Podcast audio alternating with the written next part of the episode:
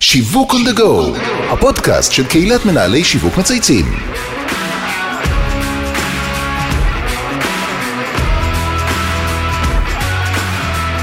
שלום לכולם וברוכים הבאים לפרק חדש של שיווק on the go, הפודקאסט של קהילת מנהל שיווק מצייצים. שמי אבי זיתן ואני בעלים של חברה לייעוד שיווקי אסטרטגי וחברת ההשמה מאץ'. אחד התהליכים הכי מרתקים בשיווק זה מיתוג. בין אם מדובר במיתוג למוצר או שירות חדש, או בין אם נדרש רענון והתאמה של המיתוג לאסטרטגיה עדכנית. וכל מקרה מיתוג תמיד זה תהליך מרגש. תהליך שאם הוא נעשה נכון, הוא הוליסטי ומקיף את כל פעילות המותג והחברה, יצירתי אך מחובר לשטח, ובעיקר כדי שהתוצר שלו אמור להיות השער למפגש של קהלי היעד והתנ"ך השיווקי שלפיו פועלים. אז לצלול לכל העולם המרתק הזה, הזמנתי את דורון גולדנברג, מייסד, שותף ומנכ"ל פירמה, חברת מיתוג אולי המובילה ביותר ובטח ותיקה, אני כבר מכיר אותם עשרות שנים, ויחד נשוחח על האבולוציה של המיתוג, אה, על ביזנס דיזיין, כן כן, אתם תבינו למה הכוונה, אנחנו כרגע עוד לא יודעים מה זה, ונשוחח גם על ההתאמה של התהליך לצרכים הדינמיים של העסקים היום, וכמובן איך לא, נדבר גם על AI בתהליכי המיתוג והשיווק. אהלן דורון, מה העניינים? בסדר גמור, אבי, מה שלומך? מעולה, כבר הרבה זמן תכננו את זה. כן. האמת שמרענן לדבר על נושאים כאלה בתקופה כל כך לוהטת, תרתי נכון, משמע, נכון, ויהיה כיף. לגמרי. גם אה, החום שנכנסנו ממנו עכשיו, וגם הטלוויזיה והפוליטיקה שנכנסנו, וה, וההפגנות בדרכים. אז אני רוצה רגע לספר למאזינים על משהו שתפס לי את האוזן, כשעשינו את ההכנה לפודקאסט, דיברנו על AI והתפקיד שלו בתהליכי שיווק פרסום, בין אם אתה יודע, בכתיבה, עיצוב וכל נושא אחר. ואתה אמרת שמבחינתך AI זה בסך הכל סטטיסטיקה. אז עוד שנייה נבין למה התכוונת, כי זה מעניין, קצת disruption. אה, אז את זה נשמע בהמשך, אבל קודם כל אנחנו מתחילים כל פרק אה, בשיחה אישית, ואני בטוח שהרבה מאזינים ישמחו, חלק מכירים אותך, חלק פחות, קצת ספר על החיים האישיים, קריירה, מה שבא לך לשתף. דורון, אני... אה, בן במקור- כמה אתה? אני אה, 50 בדיוק, השנה. השנה. כן. זה- זה נקודת מפנה. אמ, כן, אני כן. רואה בזה תחילתו של העשור הכי משמעותי בחיים, אה, לדעתי. אני מסכים איתך. ב-40 לדעתי. לא היה לך כזה דרמה, אתה אומר. ב-40 הייתי מאוד אה, עסוק אה, וחיים היו מאוד אינטנסיביים סביב אה, ילדים קטנים נכון. ועסק חדש והכל. ועכשיו יש עשור שבאמת אפשר לייצר משמעות ולא רק אה, נכון. לשרוד. אז, כמה- אה, כמה ילדים? שלושה. נשוי למאיה, יש לנו שלושה ילדים, גרים במושב אה, חירות בשרון. כן, מקום מהמם. מקום מקסים, אחלה קהילה. סוף שבוע את הטבע, כמה אתה מספיק להיות בטח בכל שבוע בתל אביב, לפחות פה אה, נכון, פצות. נכון, נכון, נכון. אה, זה איזון טוב, זה אחלה balance. אני מייסד, שותף, מנכ"ל של פירמה, חברת, חברה מדהימה כמובן, שעוסקת ב business design, נרחיב על זה בהמשך. אה, מאוד נהנה מלעשות אה, mentoring לעסקים צעירים, עצמאים בתחילת דרכם. אתם מלווים בכל התחומים, אני פוגש אתכם בכל קטגוריה, כן. כמעט, נכון? כן, כן. כל קטגוריה. אה, גדולים. תכף נדבר על זה, כן. אנחנו תכף נדבר על זה, נרחיב. אה, אני עצמי בוגר בצלם, מחלקה לתקשורת אה, חזותית, אה, הרציתי שם, הייתי שם מרצה במשך שבע שנים, היום אני מרצה אה, באוניברסיטת רייכמן. אה, בנינו שם בעצם קורס מה? פעם ראשונה שעוסק בניהול תהליכי מיתוג והטמעה שלהם בחוויית אה, אה, לקוח ותרבות ארגונית. וזה מופנה לסטודנטים או כן, זה בפקולטה קורס חובה? ב- בפקולטה לתקשורת. יפה. אה, אני שמח שיש את זה שם. מרתק. כן, כן, כן, זה- אני חושב שזו פעם ראשונה שיש את זה בכלל באוניברסיטה בישראל, את התחום הזה, מהמם. בצורה כזאת. יפה, אה, אז זה פחות או יותר אני. מהמם. תן לי עוד איזה אנקדוטה עליך, משהו שלא כך יודעים, אתה יודע, אה, תחביב או משהו מעניין. וואה, לא יודעים הרבה, אבל אני כן אגיד שלמדתי בבית ספר חקלאי, בית ספר תיכון חקלאי, אה, כדורי. למדתי חמש יחידות פלחה, מי לא שיודע. מה זה. כן, וכדורי אה, עוד, אתה יודע, אתה עכשיו, אה, כן, כן, כן. אנחנו, היסטוריה. הייתי מג"ד בשריון. אה, בצבא ההגנה לישראל, פיקדתי על כ-700 מרשים. חיילים, מרשים. עדיין אה, עושה מילואים, סגן אלוף במילואים. עד היום? סגן אלוף במילואים. כן. דורון, אתה עכשיו כן, עושה כן, לי כן, אפילו כן. צמרמורת קלה. אגב, יש קשר ישיר, כולם שואלים אותי מה הקשר בין אה, בית ספר חקלאי לשריון, ל- כן. לבצלאל, ל- לא, בצלאל כבר קצת, אה, כן. ואני חייב להגיד שיש קשר ישיר מאוד מה? בין אה, שלושת הדברים. אה, אתה יודע, בצבא למדתי ניהול. זאת אומרת, אתה מפקד על 700 חיילים ומערכות, ואתה לומד ניהול בצורה מאוד חזקה. אתה לומד הרבה ארגון וסדר, שזה חלק מהעיצוב. נכון. לסדר אה, מידע, ארכיטקטורת. מידע וכדומה. אוקיי. ובחקלאות אתה לומד ל... אה, לגרום לדברים לצמוח ולגדול, ולהכין את כל התשתית שהדבר הזה באמת אה, יניב פירות. אז זה האנלוגיה ללקוחות ולפרויקטים ולתהליכים שאתה בעצם... יש. חיבור מעניין בין חקלאות. לבין צבא לבין בצלאל שהביא את הפן היצירתי ואיך בעצם לחבר את הכל ביחד. אה, חייב להגיד שפתיח אה, יצירתי, אה. הטריפל הזה הוא כן. מעניין. אגב, עוד אה, נקודה אחת שלא יודעים, וסיפרתי לך קודם, זה שלא לא שתיתי קפה. כן, אני הייתי מופתע מאוד, 50. שנכנסנו עכשיו לסטודיו להקליט את הפודקאסט, והצעתי כן. לך קפה, ואמרת כן, לי, כן, כן.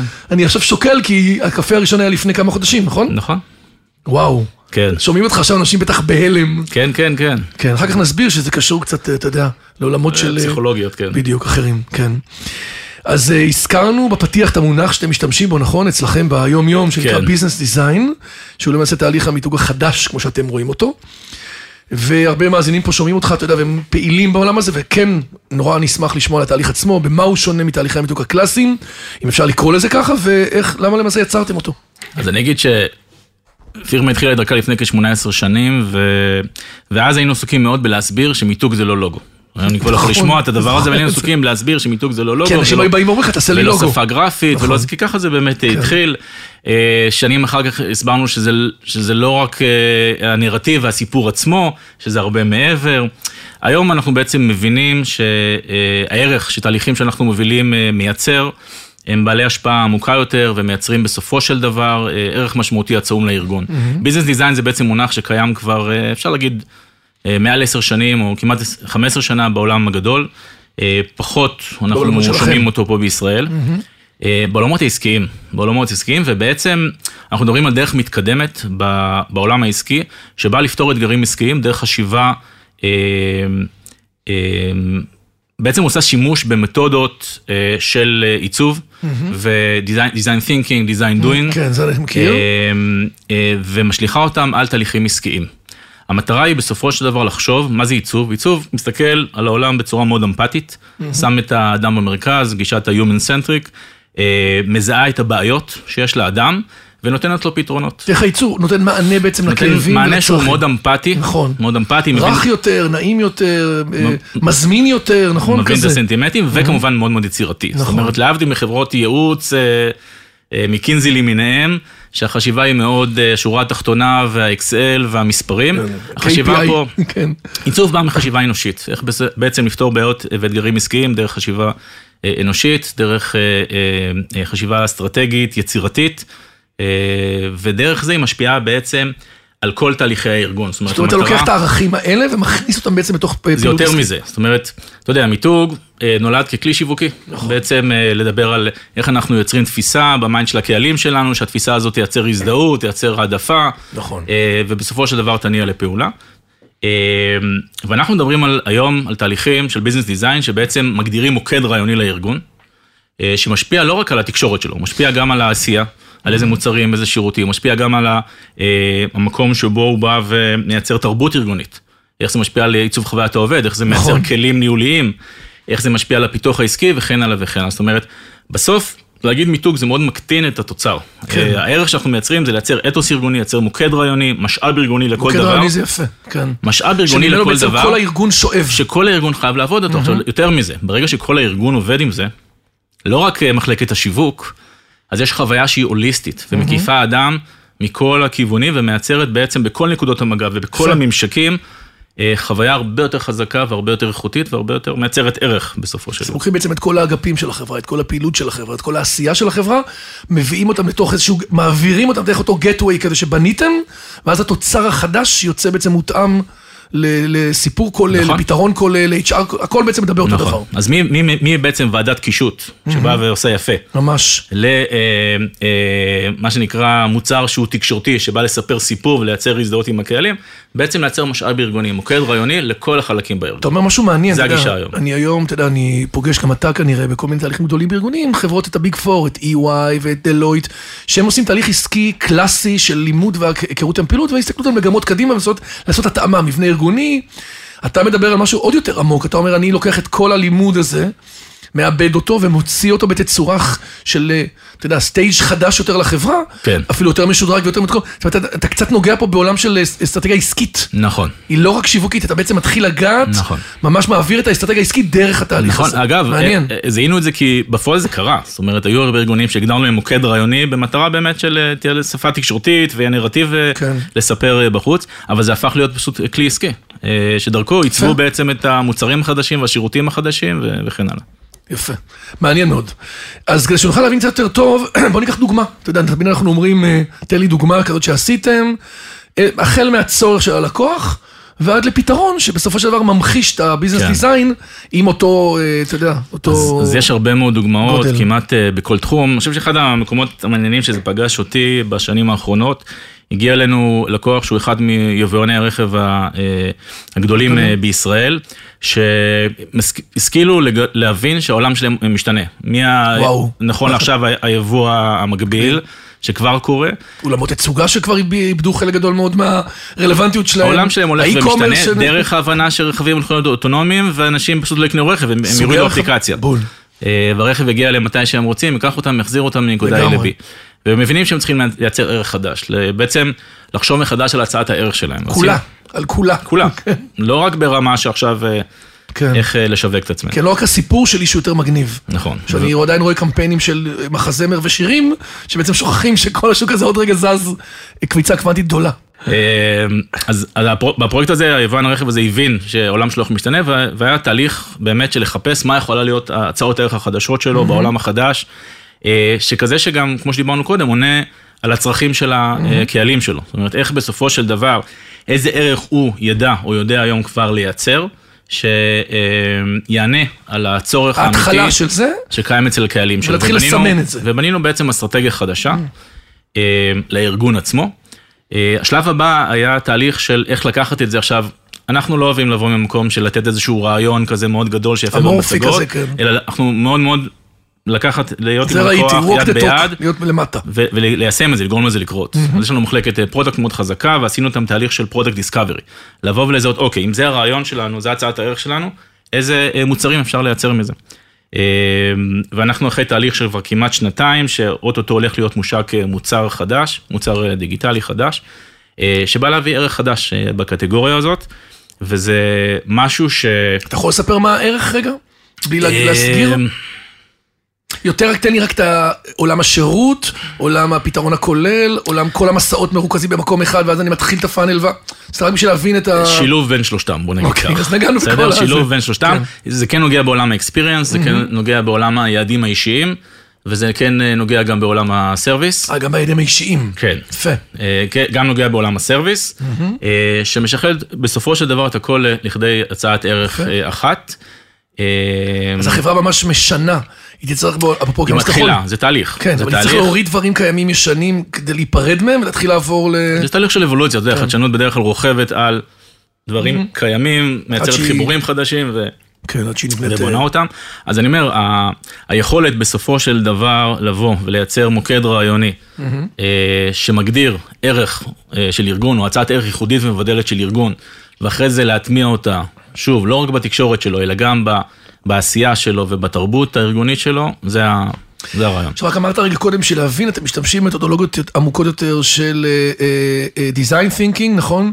משתמשים בכל העולם של UI UX ועוד בדברים אחרים, כאילו מה, תן לי רגע, אתה יכול לחלק את הקומפוננטות רגע, להסביר איך אתם בונים את ה mix and match הזה? כן, האמת, שזו שאלה מאוד מעניינת, כי אני חושב שהיופי וגם באבולוציה שלנו, אה, שאתה מתחיל ואתה מנהל תהליכים שהם אה, חשיבה אסטרטגית, תקשורתית, ואז אתה מצרף לזה יכולות של product design, עולמות של user experience, נכון. ופתאום אתה מושיב מאפיין חוויית משתמש ליד אסטרטג של מותג, ופתאום נולד דבר חדש, נולד שירות חדש. אז פתאום הדבר הזה הביא לנו יכולות, אוקיי, אנחנו יודעים לנתח אה, מסעות אה, לקוח, אנחנו יודעים לזהות את הסנטימנטים של כל אחת מהתחנות, מה נקודות הכאב, מה הבעיות. אותו דבר אפשר לעשות על חוויית עובד.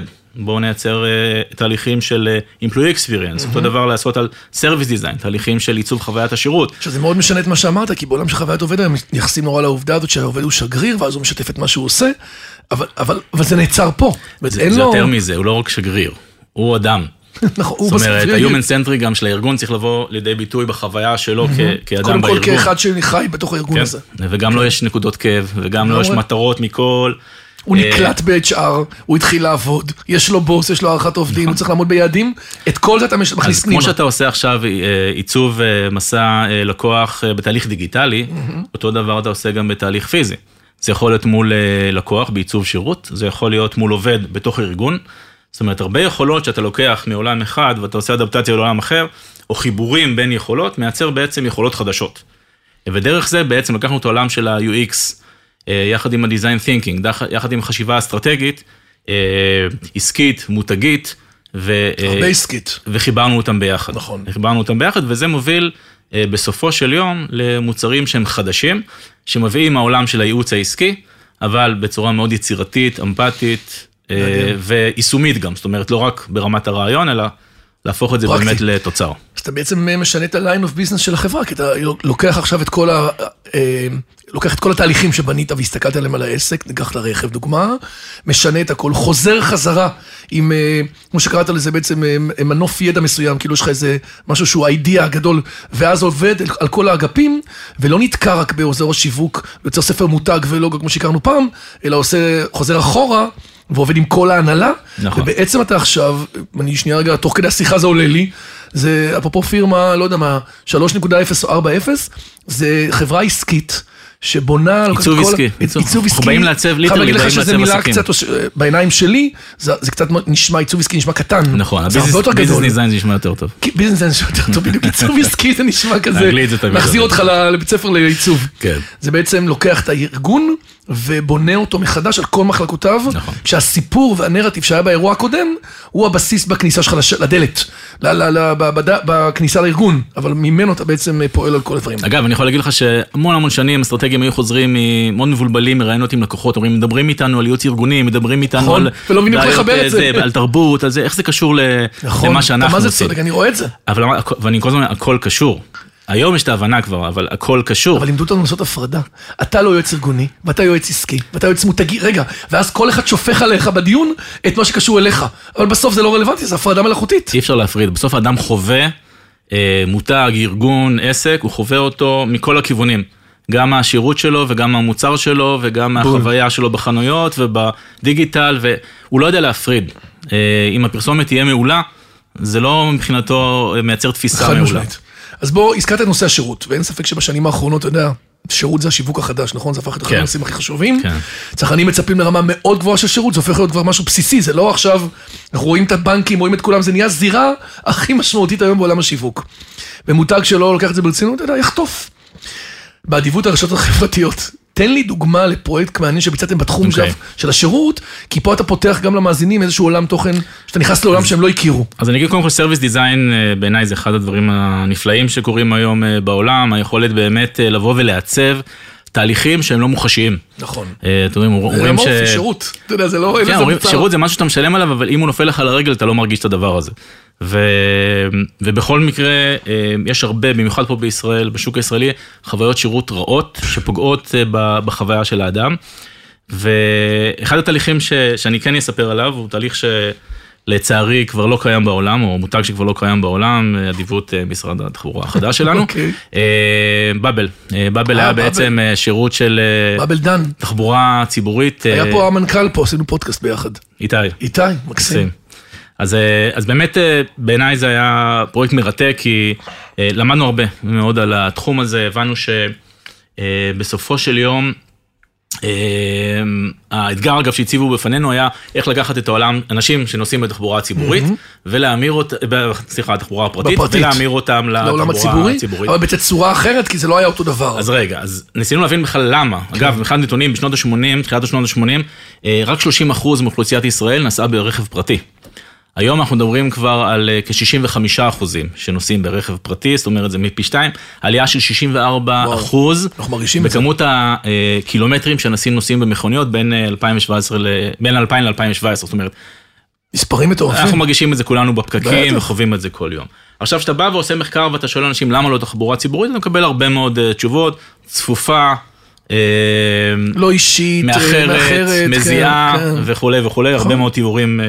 ומי נמצא שם. היום, רק הסוציואציה, זה כאילו נהיה כזה לא נעים. נכון, ואנשים אנשים בסופו של דבר מעדיפים את הנוחות שלהם, מעדיפים את התחבורה אה, הפרטית, וניסינו באמת אה, להבין מה, אה, נקרא לזה, ה- אה, מחבר בין כל סוגי התחבורה השונות, מה מחבר בחוויה עצמה, אם זה חוויה ציבורית שזה פשוט זול, אין שם. יתרון אחר, אם זה חוויה פרטית שאתה, אה, אה, זה נוח, זה ישיר, אתה יודע בדיוק מתי תגיע, אה, אתה לבד. עם המוזיקה שלך, עם הריחות שלך וכדומה. ואם זה חוויה שיתופית, שזה הסעה וקרפול, וניסינו, שמשפיע על המחיר גם. וניסינו לייצר איזשהו שילוב בין אה, כולם, זאת אומרת, המחיר של תחבורה ציבורית, ולייצר כמה שיותר קרבה לתחבורה יפה. האישית. זאת אומרת, פה התחיל זה הרעיון. ביזנס דיזיין לגמרי. הקונספט, נכון. כן. והרעיון, אגב, שהוגדר, זה בעצם, האתגר היה בעצם איך מייצרים תחבורה ציבורית שהיא אישית יותר, משם הגיע, וקראנו לזה The Bubble Effect, זאת אומרת, איך אנחנו יוצרים אפקט של בועה בתוך התחבורה הציבורית, שאנשים ירגישו שם כמה שיותר קרוב לחוויה האישית. אה, מפה גם הרעיון של השם של המותג, של באבל. אבל לא רק זה, זאת אומרת, בסופו של יום, לא מספיק שיהיה מותג נורא מגניב, עם שם נורא מגניב, תל אביבי, אורבני. אה, בסוף הדבר הזה צריך לבוא לידי ביטוי בחוויה עצמה, והגדרנו פה אה, מספר נקודות מגע, ממשק שיש למותג עם הקהלים שלו, גם ברמת תקשורת, גם ברמת אפליקציה, המרחב הציבורי, הנסיעה, השירות לקוחות עצמו. ואני אתעכב שנייה על הנושא של החוויה בנסיעה עצמה. אה, והמטרה פה, מעבר למפות את אה, מסע הלקוח ולהגדיר את הסנטימנט שאנחנו רוצים להשיג בכל אחד, ואת הכאבים ואת השירות אז- ואיך לבנות את אז מה ש... כמה דוגמאות איך, איך חוויית שירות קטנה, דברים קטנים משפיעים בסופו של דבר על החוויה של הלקוח. אחד למשל, אם אנחנו רוצים לייצר בועה, בוא נעשה חלונות שהם אה, מוחשכים, שמבחוץ לא רואים אותך. וחוויה יותר אינטימית אינטימי. נכון. בפנים. בוא נשים פרקט, בוא נשים ריפוד מסוים, בוא נשים... אחד הדברים שאנשים אוהבים שנוסעים ברכב, יש להם את ה-Waze שלהם ויודעים בדיוק מתי הם נכון. יגיעו. אז בוא נעשה מסך ש- עם השמות של כל נוסע באותה מונית נקודתית, ורשום בדיוק מתי הוא יגיע. destination, מתי הוא מגיע. מתי הוא יגיע לדבר הזה. כן, ל- הוא. רואה על מפה והוא רואה מתי הוא מגיע וכדומה. כולל מה יהיה הפלייליסט במוזיקה ואיזה ריח יהיה ומה הנהג מותר לו להגיד או אסור לו להגיד. זאת אומרת. איך לעצב את כל החוויה באופן מלא, שתהיה כמה שיותר קרובה לחוויה האישית. אה, היה למותג הזה הרבה מאוד הצלחות בהיבט של אה, מעל 30 אלף אה, נוסעים אה, בחודש. אה, הדיבור פה גם היה מאוד חזק ומלא אהב- אהבו את זה, אני יכול להגיד לך... מדברים שמתוך ה-30 אלף, 75 אחוז היו כאלה שנסעו במכוניות לפני זה, ועברו לבאבל. זאת אומרת, היה פה הרבה מאוד הישגים. אה, זה נסגר על רקע כל הסיפור דן, נכון? משהו ב... אז גם רקע שיש פוליטי. אנשים חדשים במשרד התחבורה שלא אהבו את הפרויקט הזה בגוש דן, וסגרו אותו. סגרו אותו. חבל. אבל עשיתם אחלה עבודה. לא, באמת, כאילו עכשיו, זו הייתה דוגמה מעולה להמחיש בעצם את התהליך שתיארת קודם. כן. אז למעשה נשמע שאתם, אתה יודע, כחברת מיתוג שפעלה המון שנים במודל הקלאסי, עברתם את התהליך שאתם בעצמכם מעבירים היום את הלקוחות, אתה יודע, אפרופו אה, אחד לאחד. התפתחתם ועשיתם ביזנס דיזיין לעצמכם, ואז הצעת הערך הרבה יותר עמוקה, ובעצם היום זה בנוי גם פנימה, נכון? כן. אז בואו נדבר רגע, עכשיו נכנסתי אליכם פנימה, לבניין. אז, איך אה, זה עובד? אז- אז קודם כל באמת עשינו לעצמנו תהליך של ביזנס דיזיין, אה, זה אני אומר את זה ב... אה, בדיעבד, כן. אבל האבולוציה של פירמה, אני יכול להגיד שהיא מאוד קשורה לאבולוציה של הטכנולוגיה ושל הצרכים של הקהלים וכדומה. את האמת, היא נובעת מהרבה מאוד תסכול שלנו. שאתה בונה עכשיו מותג ומעביר את זה לספקים אחרים אה, להטמיע אותו, אם זה בדיגיטל או באפליקציות או בפרסום או בחשיבה עסקית וכדומה וכדומה, בסוף אתה אומר לא לזה התכוונו. זאת אומרת, נכון. אנחנו עשינו משהו אחד, בסוף זה נראה אה, X, ו... והבנו שאחד הפערים שנוצרו זה שלארגונים אין את היכולת, או אני קורא לזה בינה מותגית, לדעת לקחת את הדבר הזה ומה לעשות איתו עכשיו. איך להטמיע אותו בתוך הארגון, איך לבנות תוכנית הטמעה, איך להפוך אותו באמת לכלי עבודה, שנותן לכל אחד משגרירי השינוי בארגון, באמת את ההבנה ואת ההפנמה העמוקה, איך לקחת אותו ולהפוך אותו לעשייה. אה, ופיתחנו, דרך הדבר הזה התחלנו להתפתח, אז מי, התחלנו ממחלקת אסטרטגיה ומחלקת, אה, אה, מחלקת אסטרטגיה אגב היום שמונה כמעט עשרה אנשים, מחלקה מאוד גדולה, יחס לחברות מהסוג שלנו. שמה הם עושות היום בחלק החדש הזה? את החשיבה האסטרטגית, את החיבור, הם business. דיזיינרים, הם בעצם business דיזיינרים שמחברים בין חשיבה עסקית, אז הם לא אסטרטגיים, הם business דיזיינרים. ביזנס דיזיינים, דיזיינרים, כן, אנחנו שבעצם. לוקחים ומחברים את ה-P&L העסקי, כן. עוברים את כל היחידות העסקיות, אפרופו שקודם זה היה נראה כמו טרדה, עכשיו פתאום הם מבינים בעצם את כל המהות כולה, נכון. הם חוזרים, מה שנקרא, הם חוזרים הביתה, מתארים בעצם את הארגון, ומפה אתם מתחילים בעצם את לבנות ה-Gateway, את הצעת כל החדשה, החדשה. נכון, יפה. המוקד הרעיוני החדש. אה, מחלקת, אה, השלב השני, מחלקת ברנדי שעושה את כל- הביטוי המוחשי, איך לתרגם את זה לשפה מילולית, שפה עיצובית וכדומה. אה, ואז נורא תסכל אותנו נושא של ה... של הקריאייטיב, איך הדברים נראים אחר כך, אז הקמנו מחלקת BX שעושה את כל ה packaging וה marketing וחומרים שיווקיים וכדומה, או נקודות מכירה. אה, ממש on the job training. ב-2016 בערך, נורא תסכל אותנו מה קורה עם האתרים והאפליקציות וכל כל החומרים הדיגיטליים, ואז... שפתאום פרצו והתעצמו. נכון, הבנו שאנחנו לא יודעים לעשות את זה בעצמנו, ורכשנו אה, חברת product אה, בזמנו, בשם לוליאן, שהפכה להיות בעצם מחלקת ה product בפירמה בשש שנים האחרונות, התפתחה לכמעט 30 עובדים בשיא שלה, והתחלנו בעצם להטמיע את התהליכים שאנחנו עושים, גם באמת לעזור לארגונים לחשוב על מוצרים דיגיטליים חדשים, ולא רק לחשוב, אלא לאפיין אותם ולעצב אותם ולהעביר אותם לפיתוח וכן הלאה וכן הלאה.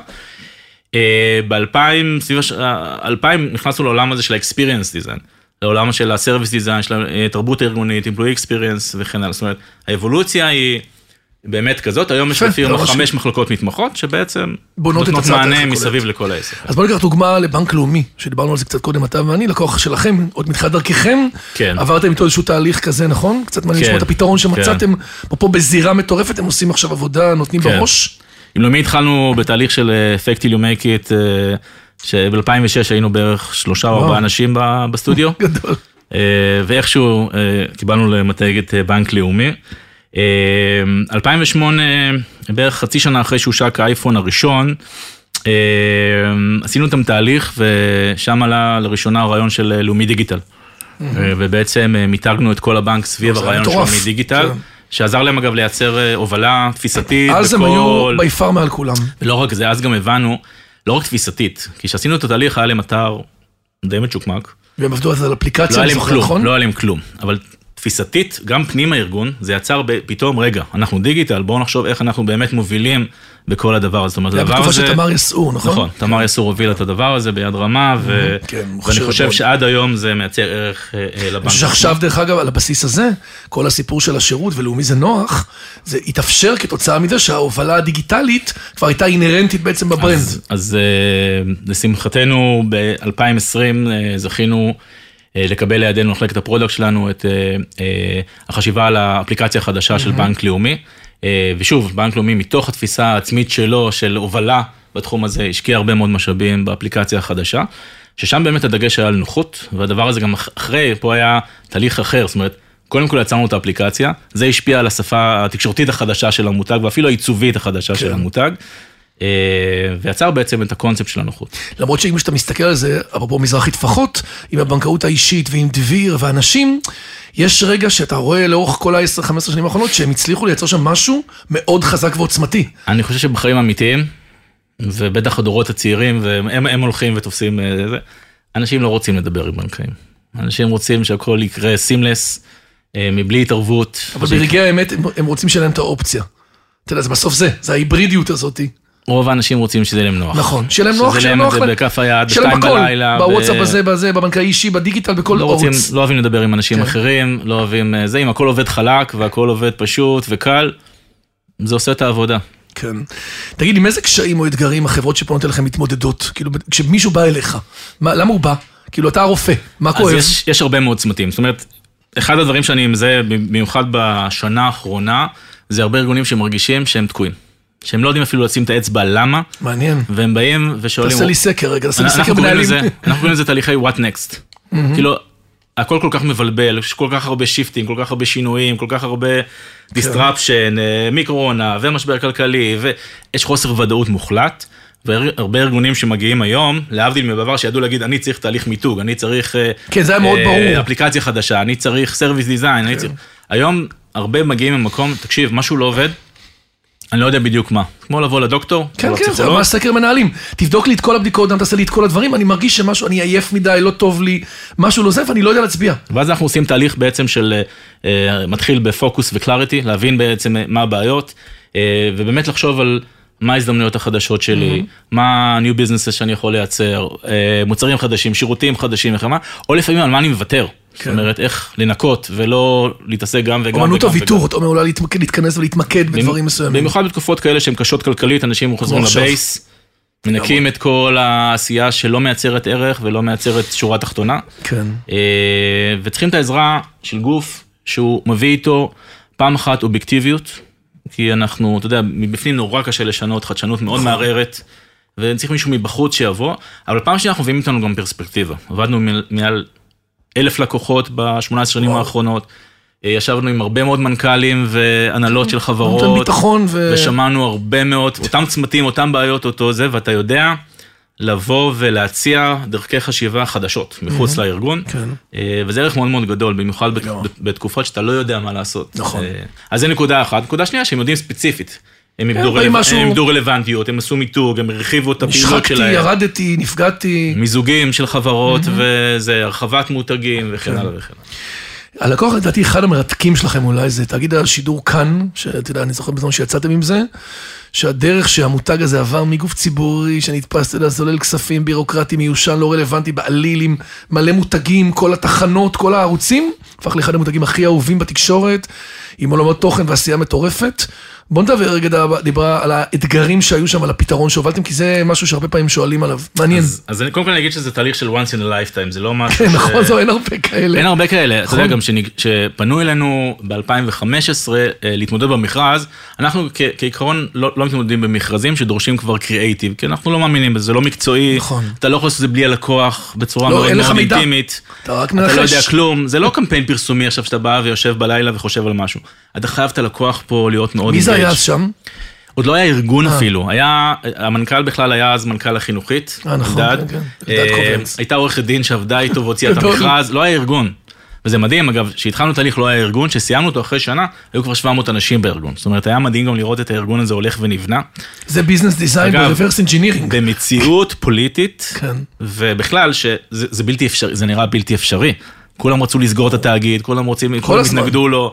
אי אפשר להקים כזאת רשות מטורפת בשנה, זה לוקח ארבע שנים לפחות לייצר תכנים לדבר הזה. אז זה היה תהליך אה, מרתק.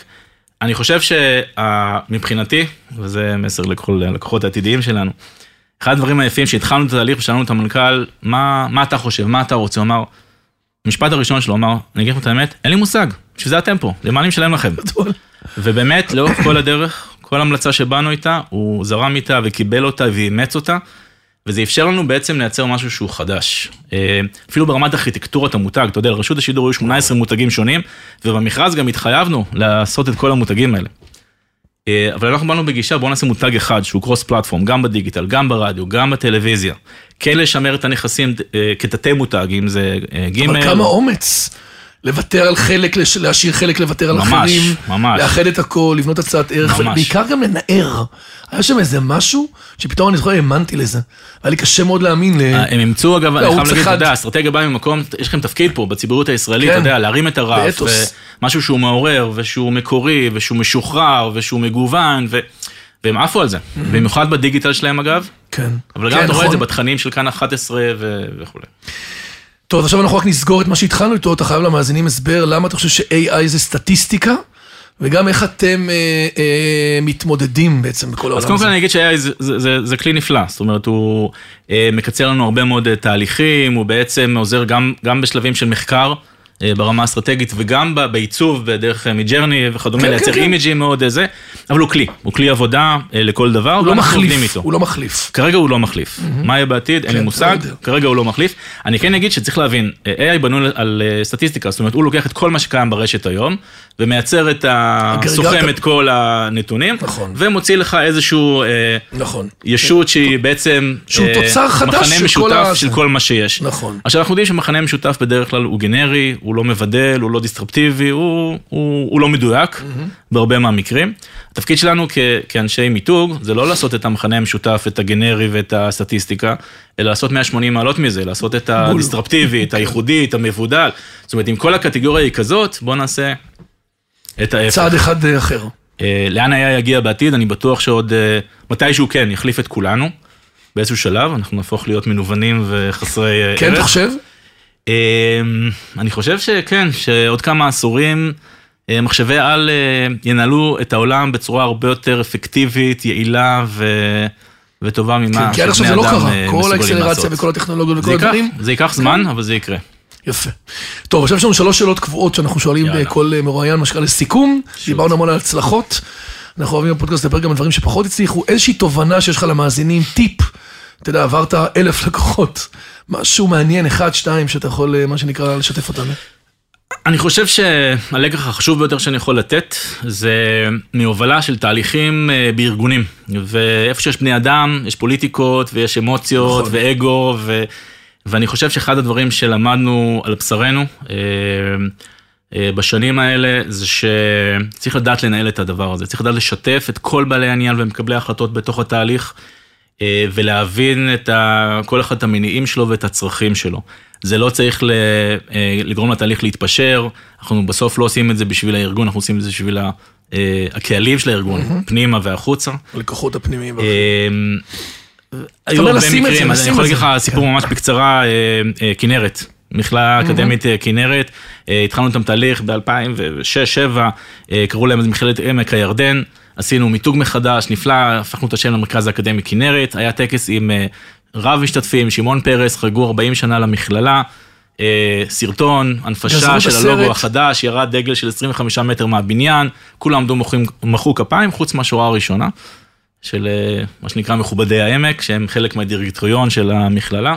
אה, שמה שנקרא עזבו את האירוע בבוא של פנים. אה, באמת קמו והלכו. ולמחרת הודיעו שהם אה, ביטלו את התהליך, לא עושים בזה שימוש, אחרי השקעה באמת של הרבה מאוד זמן וכישרון וכסף.